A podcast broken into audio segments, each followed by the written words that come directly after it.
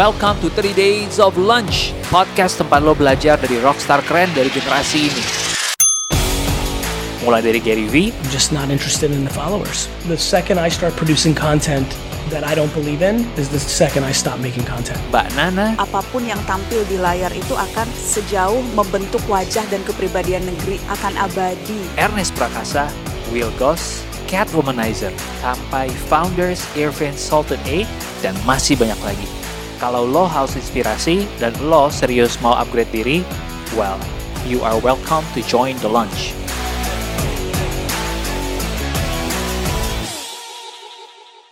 Halo semua, welcome back to 30 Days of Lunch Podcast yang nemenin lo makan siang, makan pagi, makan malam Semua makan yang isinya bukan cuma mengenyangkan perut semoga Tapi juga kepala di sini gue masih sama Ruby dan gue hari ini langsung aja mengundang uh, teman gue yang sangat spesial. Uh, mungkin bukan cuma spesial buat gue, spesial buat semua orang yang tahu dia ya, uh, yang udah lama juga karena dia itu, tapi bagi gue gue punya lebihnya dibanding semua orang. Temen SD, cie. yang beredar terus tuh. Hashtag temen SD, aduh. Gak ada yang kayaknya- bisa copy ya, temen SD loh. Ini adalah Dian Sastro Wardoyo. Halo semuanya, pendengar 30 Days of Lunch. Kita manggil apa sih nggak nih? Uh, nggak punya panggilan ya kayaknya Lunch ya. Eaters, apa kayak apa gue gak tau. apa ya lunch eaters aduh lunch eaters Tukang makan kali semuanya gitu ya. Dekat makan. Dian, Dian, Dian. How are you? Ini ini kita menjalani bulan keempat di rumah saja, berusaha di rumah saja. Tapi Ini uh, bulan keempat ya, mulai bergerak lagi orang-orang. Ih, bulan keempat udah mau empat bulan bahkan. Um, gimana kabar lu? Gue baik, thank you for asking. Gue ternyata sekarang udah di tempat yang jauh lebih baik daripada sebelum-sebelumnya pas kita mulai pandemi. Jadi ini kan bulan keempat, kayaknya gue baru mulai di tempat yang ini tuh baru kayak di bulan ketiga gitu loh. Kan it was an adapta- ad- adaptation juga kan prosesnya kan. Hmm, hmm. Awal-awal sih gue nggak di sini sih gitu, tapi sekarang gue kayak baru nemuin ininya sih rhythmnya yang gue bisa enjoy, yang gue bisa grow, yang gue bisa nafas gitu. Ternyata ini, ini menarik nih gue pengen cerita juga nih sama Lolo nih. Jadi gue belajar banyak banget sih pas lagi PSBB gini, eh, social distancing gitu ya.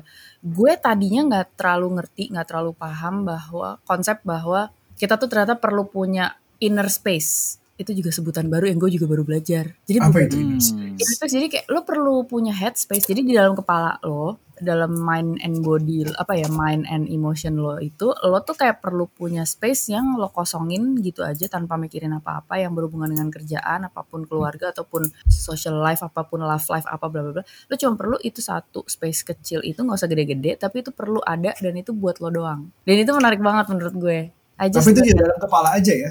ya basically eh, lo perlu punya waktu dengan di- orang lain ada yang bilang me time orang Iya. lain ada yang bilang meditasi orang lain ada yang bilang kontemplasi ada yang bilang inner space ini dan ini jadi konsep yang baru gue pelajarin gitu loh belakangan ini gitu. Wow, oke. Kar- karena sebelum PSBB tadinya gue pikir ini tuh nggak terlalu esensial dan nggak perlu dan nggak nggak sempet juga. Jadi kita kan selalu kan kayak selalu kejar-kejaran dengan uh, you know jadwal-jadwal yang kita sendiri bikin buat diri kita dan kita pengen komit terhadap jadwal-jadwal tersebut kan. Uh, pas masuk PSBB gue pakai operating system yang sama yaitu gue memberikan jadwal-jadwal kepada diri gue yang kadang-kadang terlalu overwhelming ternyata dan gue coba komit terhadap jadwal itu tapi giliran itu semua dikerjain di rumah lo nggak ada commuting time kan jadi lo nggak ada breather Hmm. between one schedule, one meeting to another.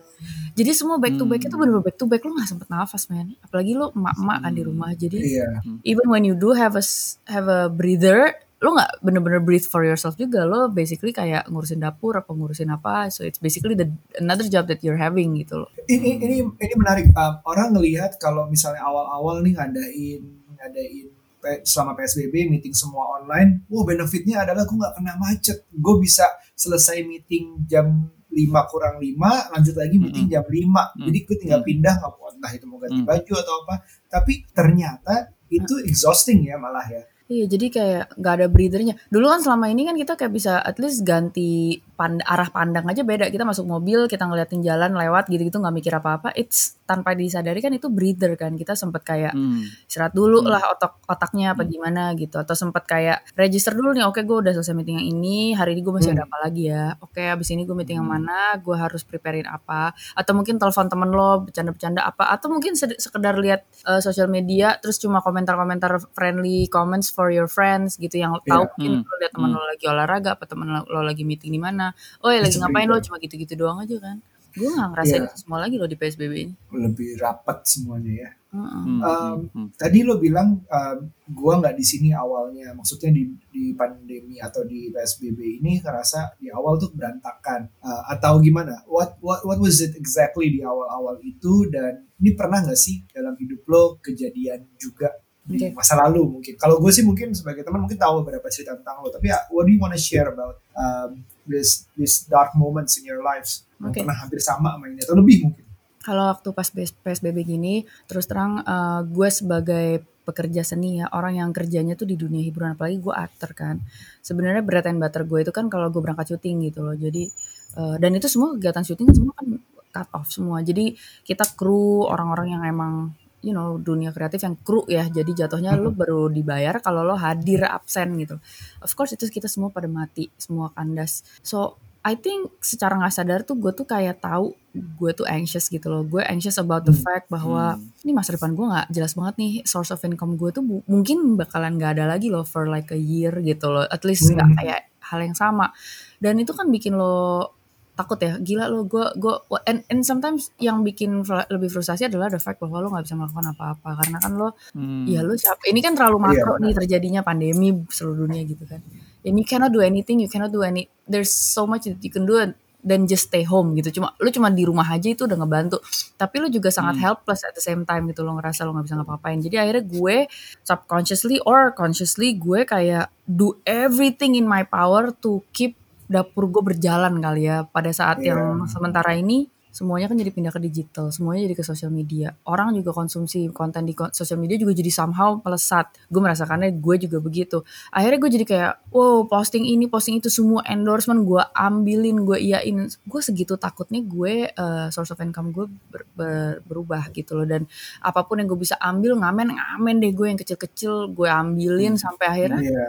ternyata gue overwhelmed sendiri sama the amount of commitment yang gue ambil gitu loh dan Hmm. gue dan manajer gue berdua kita kita sama-sama terrified jadi kita sama-sama ngambilin kerjaan dan Iya. yang kita belum atur adalah ternyata eh, energy level kita in a day gitu loh karena semuanya tuh kayak mau diambil bersamaan dikerjain bersamaan I was really exhausted hari-hari awal PSBB tuh gue kayak tuh posting mulu kayak I was iya, scared iya. I will be forgotten apa gimana kali ya gue Kalau nggak IG live terus biasa di awal-awal ya. Iya, Iya, aja jelas baru yang pertengahan. Yang awal tuh posting-posting yang gue collab sama musisi ini, musisi itu. Ah. gue bikin virtual photoshoot sama fotografer ini, fotografer itu. There's nothing wrong about it. Cuma Hmm. nggak di pacing aja gitu loh. Jadi gue ambil semuanya tuh kayak brek gitu loh. Dan ternyata it is taking a toll on somebody's energy. Salah satunya diri gue sendiri gitu loh. Hmm. Dan dan eh, ternyata that's not the balance yang lagi gue cari juga gitu kan terus tapi gue yang menarik nih ya prosesnya tuh gini oke gue kecapean gue stres I don't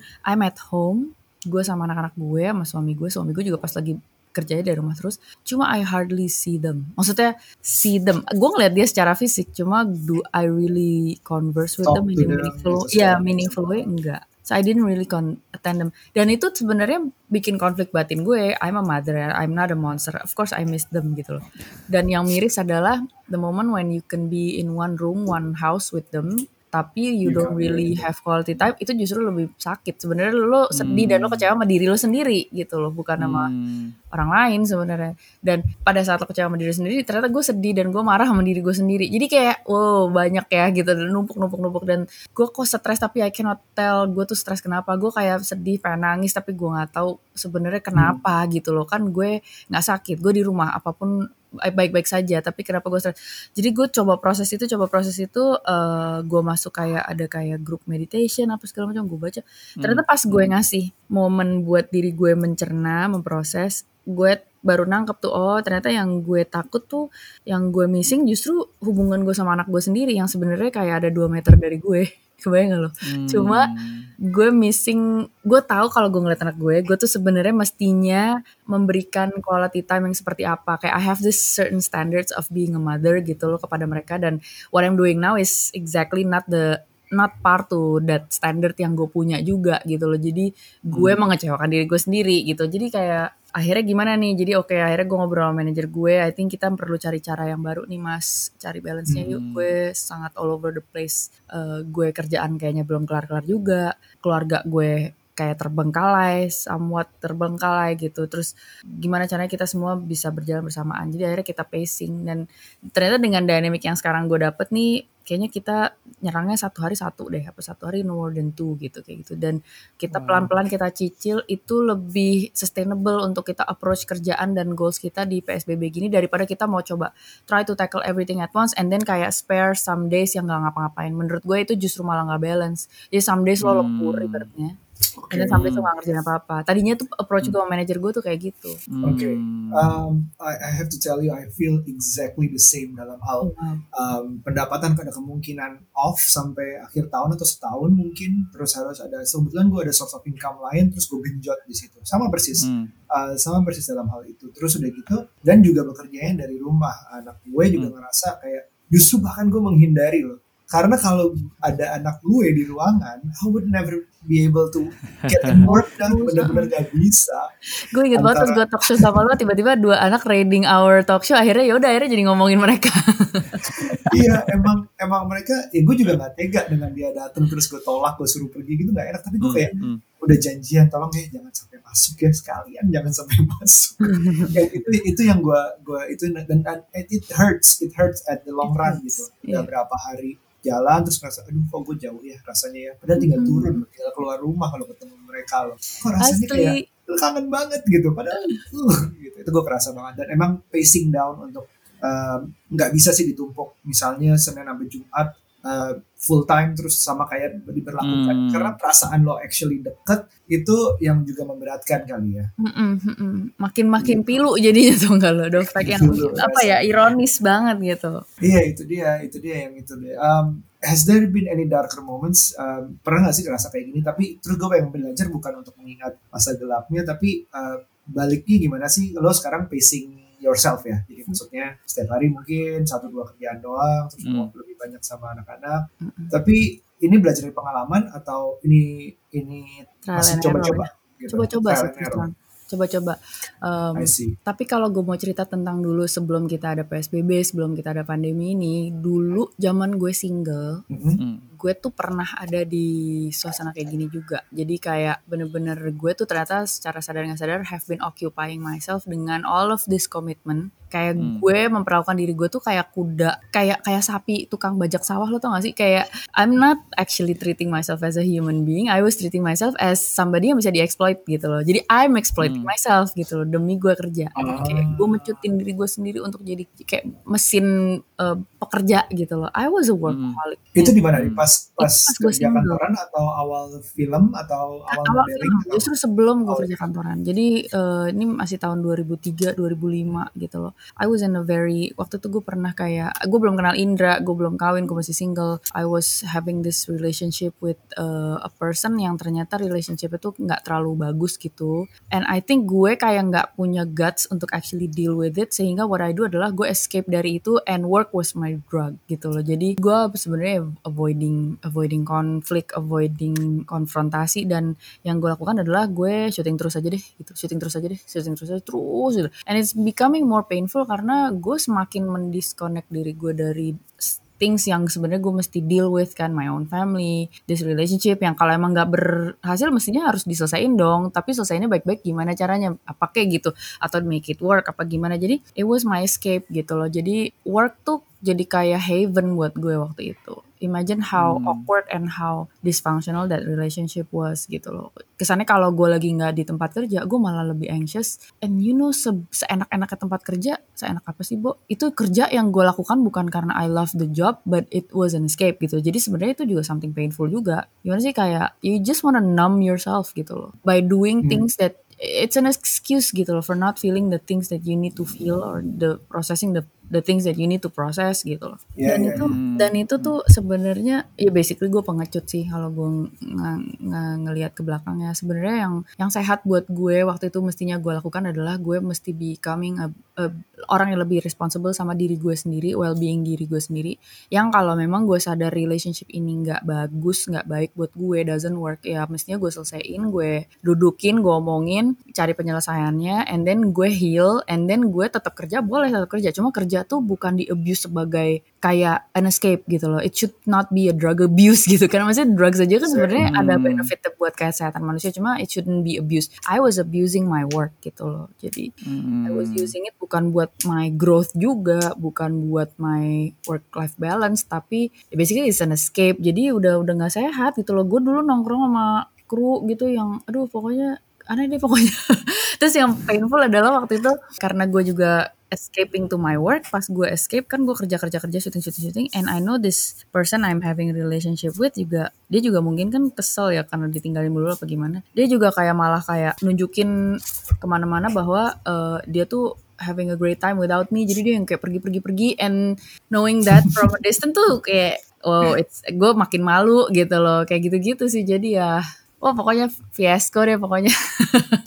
Tapi ya we all learn from our mistakes kan ya maksudnya. Betul, now betul, I know that we should all be responsible of our lives our our well-being. Kita semua tuh kayak kabur dari masalahnya ke kerjaan ya sering ya. Itu yang kita Hmm. kerasa bahwa kalau kerja kerjaan mungkin di dunia personal terus ada yang masalah terus kerjaan tuh ngerasa kayak wih gue kerjaan gue bagus justru gitu. Jadi kayak diangkat lagi yang kayak iya. perasaan-perasaan kayak take gitu yang pride kes- gitu. iya terus kes- Hmm. perasaan kayak gitu yang keseringan akibatnya suka lupa sama yang sini lagi. Jadi kayak nggak menyelesaikan masalah lebih ke um, distracting aja dulu gitu terus Iya. terusan Hmm. gitu. kita we have I think secara nggak sadar kita have created a culture di mana kita value uh, professional achievements tapi undermining those little intricate dynamics sama our personal life gitu kayak misalnya gini kalau lo punya a little bit of dysfunctionality in your uh, dinner table di rumah aja misalnya lo sama bokap Hmm, selalu hmm. disagree punya disagreement gitu and then Iya. suddenly itu justified by it tapi kan dia karirnya berhasil dia baru naik pangkat. Jadi kesannya lo Iya. nggak apa-apa gitu dysfunctional Hmm, hmm, lo selalu berantem sama bokap about apa gitu and you never resolve it itu kayak nggak apa-apa it's a normal thing. Yang penting dia functioning as a human being yang punya karir. Cuma kan Iya. as a culture sebenarnya itu agak-agak perlu kita pikirin balik ya. Waduh ini sustainable gak sih as a human being secara gitu? sadar banyak loh dari dari anak kecil kita ngerasa kayak um, ya udah deh uh, boleh kerja ya nanti dibeliin mainan deh. Iya I'm guilty juga kadang-kadang kayak gitu. Eh, tapi gue ngeliat nih yo, maksudnya in the past few years juga em, kayaknya hustle culture itu Hmm. mulai di di apa ya diramein kita ngelihat eh, role model kita gitu Gary V mungkin yang kita berdua juga suka banget Eh, kerjanya dia bikin vlog gue kerja Ah. tuh 14 jam satu hari gitu Hmm. Iya, iya. terus dia videoin and it's being celebrated gitu. Um, mungkin yang missing adalah kadang-kadang kita nggak nyadar si Gary V bisa kayak gitu ya karena dia udah ngomong sama istri dan anaknya eh gua malu cuma Sabtu Minggu ya. Dan waktu di Sabtu Minggu totally present buat anaknya gitu. Eh, ya gitu sih dan dan emang setiap orang level of energinya beda. Beda beda banget beda banget. Tapi gue penasaran sih sama tadi when you say work become an escape Dian when did it became an enjoyment lagi gitu Oke, gue baru menemukan work becoming an enjoyment justru terus terang pas belakangan ini sih kan gue mulai uh, assuming a new role sebagai produser. Jadi as a filmmaker tuh yang tadinya gue aktor, yang gue salah satu penyedia jasa gitu. I was a gun for hire gitu dalam sub Hmm. dalam value making chain I like that. nah, film gitu. gue tadinya I was a gun for hire as a as an actor. Filmnya udah jadi, konsep udah jadi, budget udah ada nih. Oke, let's just hire Dian as one of the actors and deliver Hmm. this work of acting, bla bla bla, promosi, film rilis kelar. Cuma be- by becoming a producer, kan ini gue proses belajarnya baru nih, and ternyata tuh proses di filmmakingnya tuh jauh lebih entrepreneur. Jadi lebih kayak you initiate the idea and then lo mulai mulai cari funding untuk let's develop this idea into becoming a script. Ya itu prosesnya setahunan se- kurang 8 bulanan gitu. Abis itu pas udah jadi script oke let's just uh, dibikin pitch decknya dibikin kenapa ini feasibility tadinya gimana nanti konsepnya gimana pemainnya siapa let's kita kayak chef gitu loh. Kita kayak nanti mau pakai director siapa ya mau pakai aktor siapa ya kayak gitu. Jadi bener-bener you see creatively tapi juga secara business wise lo juga harus kayak kayak startup uh, startup uh, ini uh, founder gitu jadi lo. Hmm. harus ada fundraising, ada kayak gitu itu loh tiba-tiba lo uh, roadshow segala macam. Terus habis itu uh, nyari duitnya terus nanti kalau misalnya lo punya itu lo punya investor lo harus tanggung jawab sama investornya segala macam bikin you know bikin bisnis modelnya yang uh, kalau misalnya bisnis modelnya lancar berarti BEP-nya kapan dan sekitar apa dan Iya. ada skenario profit apa gitu gitulah. Nah, this work ternyata tuh with this role uh, gue tuh jadi belajar hal baru lagi gitu. I mean, nah, gue nggak mengecilkan acting ya, cuma act, being an actor tuh udah dijalanin selama 20 tahunan. Jadi mungkin proses belajar mengajarnya masih terjadi cuma belum nggak udah nggak se excited pas awal-awal gue jadi actor gitu. Ini kan sekarang gue jadi mm, jadi produser baru lagi, so I learn a lot lagi.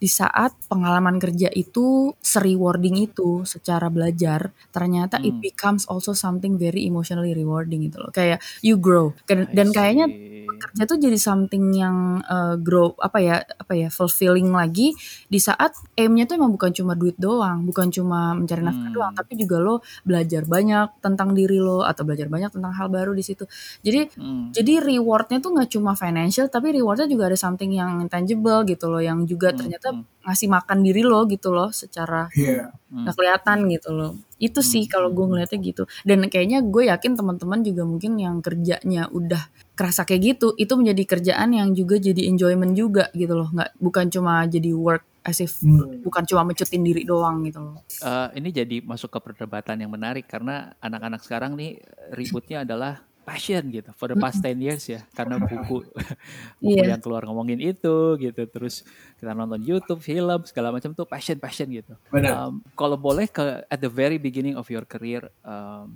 apakah seorang Dian itu emang memulai dari passion atau memulai dari realita aja gitu? Soalnya gue kayak sempat baca di mana lo bekerja waktu itu modeling karena ya you need that money untuk bisa pengen sekolah gitu ke luar negeri. Was it the similar battle with you Well, itu dia to be honest. Dulu awal-awal gue mulai ke dunia hiburan which is modeling and then tiba-tiba masuk ke video klip and then masuk ke film. Gue dulu nggak punya respect segini besarnya terhadap dunia hiburan jujur aja. Gue pikir this is just basically kayak eh, tempat buat gue ladang buat gue nyari duit aja gitu loh. Karena at the moment Hmm. dulu pas gue kecil gue tuh nggak terlalu ngerti juga the essential importance of eh, industri kreatif gitu. Hmm, gue ya. Punya pemahaman segitu deep tentang apa pentingnya art or seni dalam kehidupan manusia. Gue masih masih masih masih bo I was basically trying to graduate high school gitu. Jadi gue nggak benar-benar Eh, eh, jadi gue nggak pernah contemplate ke sana juga dan kalaupun contemplate mungkin nggak dapat juga jawabannya. Jadi Hmm. gue ngerjain itu karena gue selalu memandang sebelah mata lah profesi sebagai modeling atau berada di dunia hiburan ini. Gue meras gue nggak merasa ini something yang bisa meaningful buat gue dan gue bener-bener kerjainnya basically karena it's it's fast money and it's doable Yeah. sambil sekolah and it's halal. It's not prostitution gitu loh. It's you're working gitu loh by the hour by by ini. Jadi uh, and I just need money karena gue tahu gue pengen finance myself to achieve bisa sekolah di luar. Cuma that's why pas gue akhirnya nggak uh, gue gue sempat ngantor juga kan and then gue kayak I was a soul searching journey gitu loh. Gue sebenarnya who am I? Am I happy? Sebenarnya gue kalau bukan ada artis bukan ada embel-embel ini semua what kind of person am I? Hmm. gue tipe orang yang akan kerja di industri apa. Gue coba waktu itu kan gue ngelamar ke uh, ke ke World Bank. Consulting ya? Kan consulting. World Bank tuh kayak bagian industri development kan berarti kan. Jadi kan you know Hmm. kayak UN gitu-gitu. Tapi terus habis itu gue uh, nemuin nemuin journey yang menarik banget dan pelajaran yang menarik banget di consulting. Gue jalani tiga setengah tahun. I learn a lot. Cuma di, terus habis itu gue berhenti karena gue habis itu kawin dan punya anak. Terus habis itu setelah gue punya anak segala macam ayo gue masih soul searching gue nggak tahu gue mau balik Hmm. lagi ke consulting apa enggak kalau emang gue I know I one day I'm gonna go back to work. Even though udah jadi Hmm. nyonya gitu ya jadi udah udah jadi ibu-ibu. Hmm. eh, gue kayak bukan I don't I never see myself sebagai ibu-ibu yang gak kerja apa-apa so gue sempat waktu itu gue ambil S2 dan S2 nya itu fin- finance finance management Hmm. karena gue tau pas gue consulting dengan background gue yang filsafat kok kayaknya perlu di up the game one more gitu eh, kayak Hmm. up the level satu kali lagi untuk gue bisa maju perang tuh gue harus punya a I, I have to acquire a formal competency gitu. Makanya gue ngambil Hmm. gue pengen bisa finance gue pengen bisa ngitung gue pengen bisa savvy secara Excel gitu loh spreadsheet. Gue pengen bisa jadi gue nggak takut sama angka gitu. Gue nggak bisa gue nggak jago ngecap doang tapi gue bisa kayak break it down into numbers. Gue juga bisa defend that bla bla bla. Terus gue coba kerjain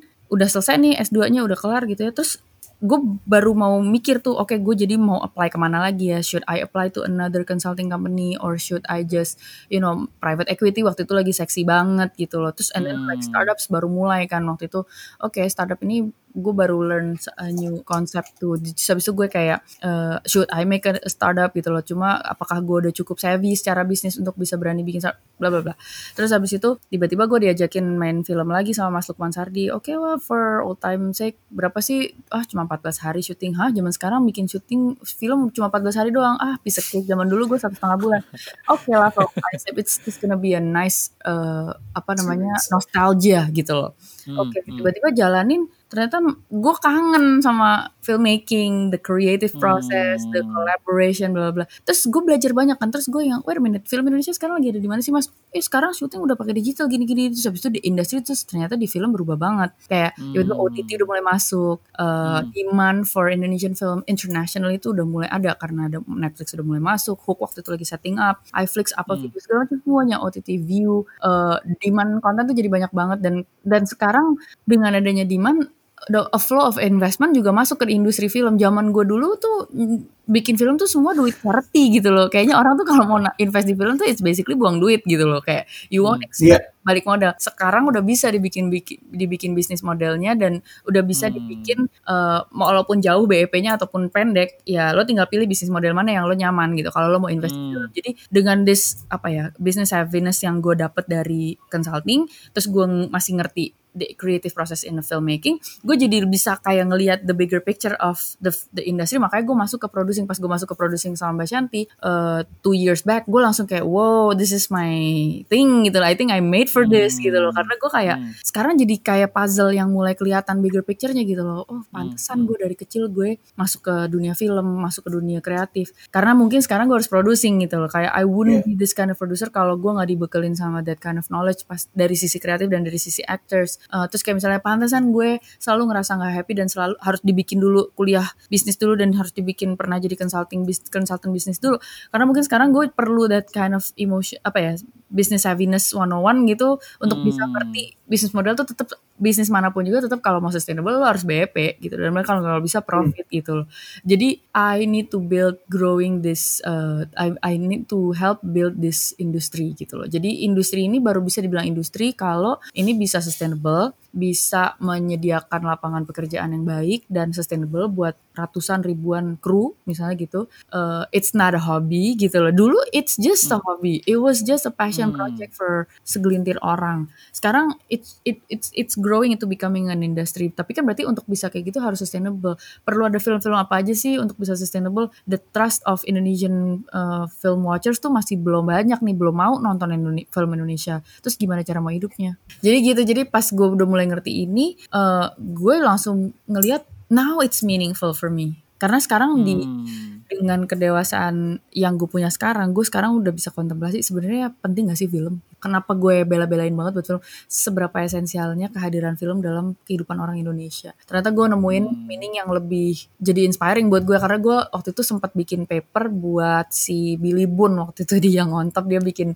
gue bikin presentasi dan akhirnya gue malah dalam proses bikin presentasi itu sendiri gue jadi nemuin aha moment gue ya gitu loh Eureka gitu gue Hmm. jadi kayak wait a minute the American economy sejak perang dunia Hmm. kedua itu berkembang because of the very concept of American dream ya kan the Hmm, ya. ideal family of American dream mungkin gak sih sebenarnya jangan-jangan kita tuh juga lagi perlu konsep itu Indonesian dream tuh apa Hmm. yang Hmm. kita perlu bangun bareng-bareng di industri kreatifnya supaya itu menghidupi the whole economy of Indonesia gitu loh. Jadi people Hmm. aspire to become that kind of family, that kind of Indonesian dream dan dan itu yang menggerakkan ekonomi. Orang jadi mau kerja, orang jadi mau nabung, orang jadi mau KPR, orang jadi mau Hmm. eh, punya kemampuan untuk beli fried chicken, ayam goreng apa atau beli kopi Hmm. apa gitu loh. Because the concept of um, Indonesian dream itu adalah orang yang minum kopi, orang yang makan ayam goreng misalnya gitu.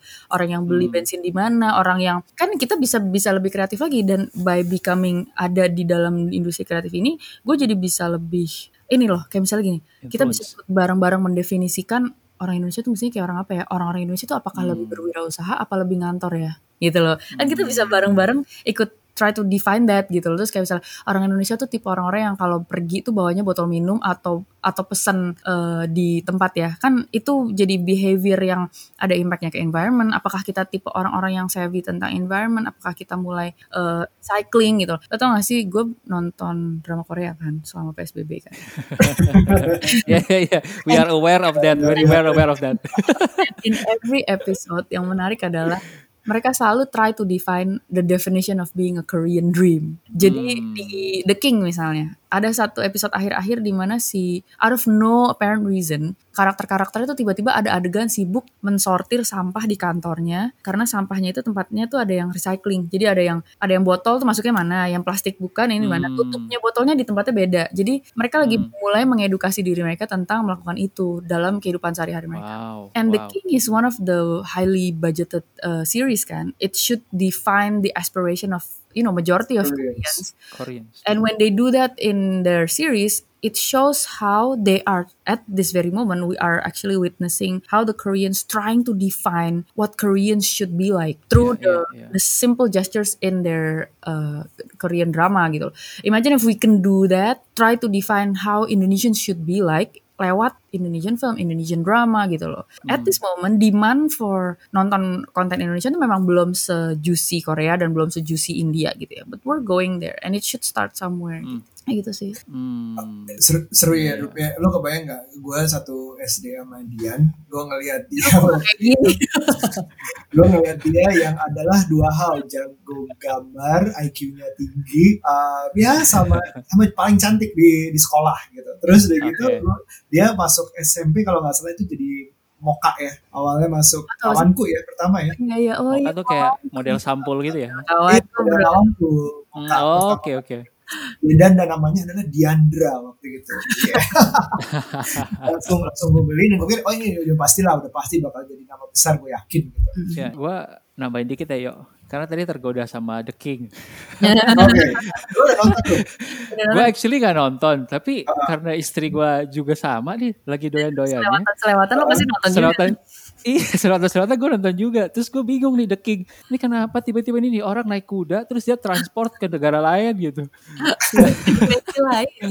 Tapi tadi you, you raise a very uh, interesting point of view. Kayak cara lo ngelihat film itu adalah uh, lagi lagi apa ya meng, meng uh, apa namanya sedikit sedikit banyak mencoba untuk merubah culture orang Korea. Terus dengan mereka ada Korea asli, terus Korea yang di dunia satu lagi, itu kayak bikin kontras nggak sih kayak kita tuh sempat di masa lalu, kita menuju ke masa depan, terusnya kayak masa depan yang kita pengen capai gitu. So it's it's very interesting. Terus yang soal Indonesian Dream, ngerasa nggak sih kayak Indonesian Dream sekarang tuh yang mulai kebentuk jadinya adalah gue mau jadi youtuber.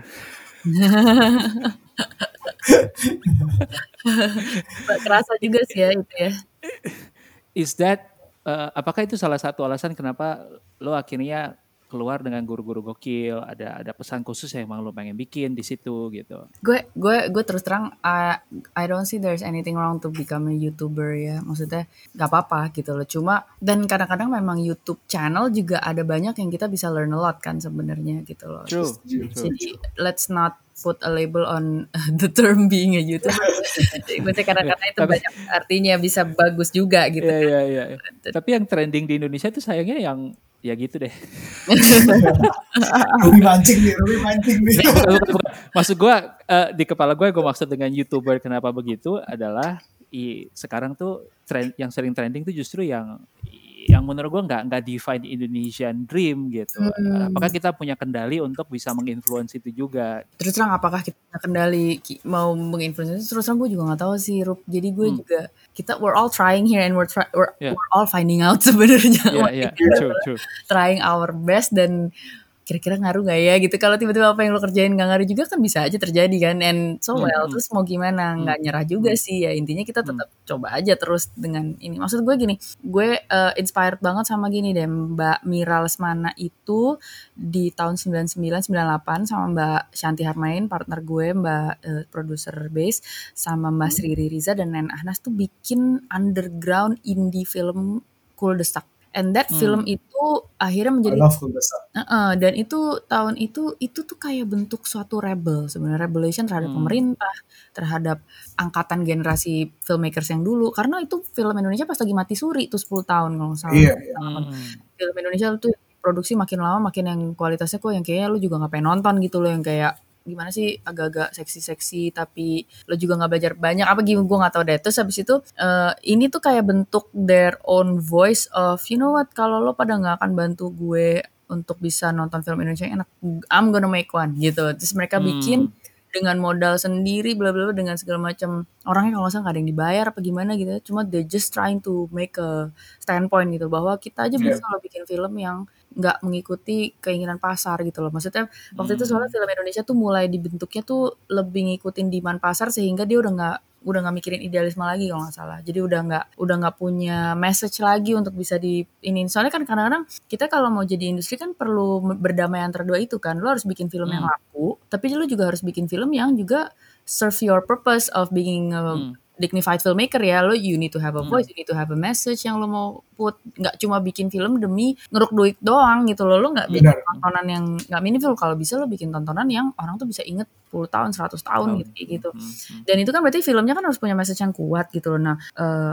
dan dan film Indonesia tuh lagi mau arah ke situ lagi and then tiba-tiba dibikin lah petualangan Sherina and then abis itu ada bintang jatuh ada ada pengecut ada pasir berisik terakhir tuh yang kita impactful banget tuh Laskar Pelangi gitu loh Do, that Hmm. kind of film tuh yang orang tuh celebrated banget orang nonton banget tapi juga it shows bahwa demand buat film kayak gitu tuh ada gitu loh. Hmm. Eh, nggak cuma dan dan inget gitu orang nggak cuma nonton banyak terus habis itu nggak inget tapi ini inget sampai keinget-inget gitu loh. Jadi itu kan kayak berarti those contents kan terpatri dalam sanubari kita ya. Jadi kayak kita inget banget zaman I mean like tell me the film yang lo nonton zaman lo kecil terus lo keinget and then it shows who you are. Kalau gue Indonesian or apa pun eh, Hollywood. Gue dulu I grew up with 21 Jump Street man Ingat gak sih SD Johnny Depp masih muda banget waktu itu Oke. Terus ada tosnya gini 21 Jump Street gitu yang tangan atas itu Terus gue suka ngikut-ngikutin tos itu di sekolah Ingat gak lo Rio? ya itu zamannya kayak nggak salah gue juga nonton Saved by the Bell, Full House. Oh iya iya iya iya Um, Hmm. Full House juga lucu banget, uh, Mary Kate Ashley Olsen segala macem. Itu iya iya iya. Emang biasanya sih kalau kata atau ada ada geng orang action gitu ya yang kayak uh, MacGyver, Airwolf, uh, Knight Rider, Knight Rider Knight Rider. Iya, iya, iya. Team gitu segala macem. Ada geng anim juga yo, Dragon Ball dan kawan-kawan. Hey, buat kalian yang berhasil beli Lenovo Legion 5i atau IdeaPad Gaming 3i, ada buat 100 yang ngeklaim pertama kali mendapatkan untuk Legion 5i 1 juta Steam Wallet, untuk IdeaPad Gaming 3i 500 ribu Steam Wallet. Lumayan banget buat beli game-game yang baru, yang keren-keren. Itu semua bisa didapatkan di redeem di lenovopromo.com. Main bareng yuk!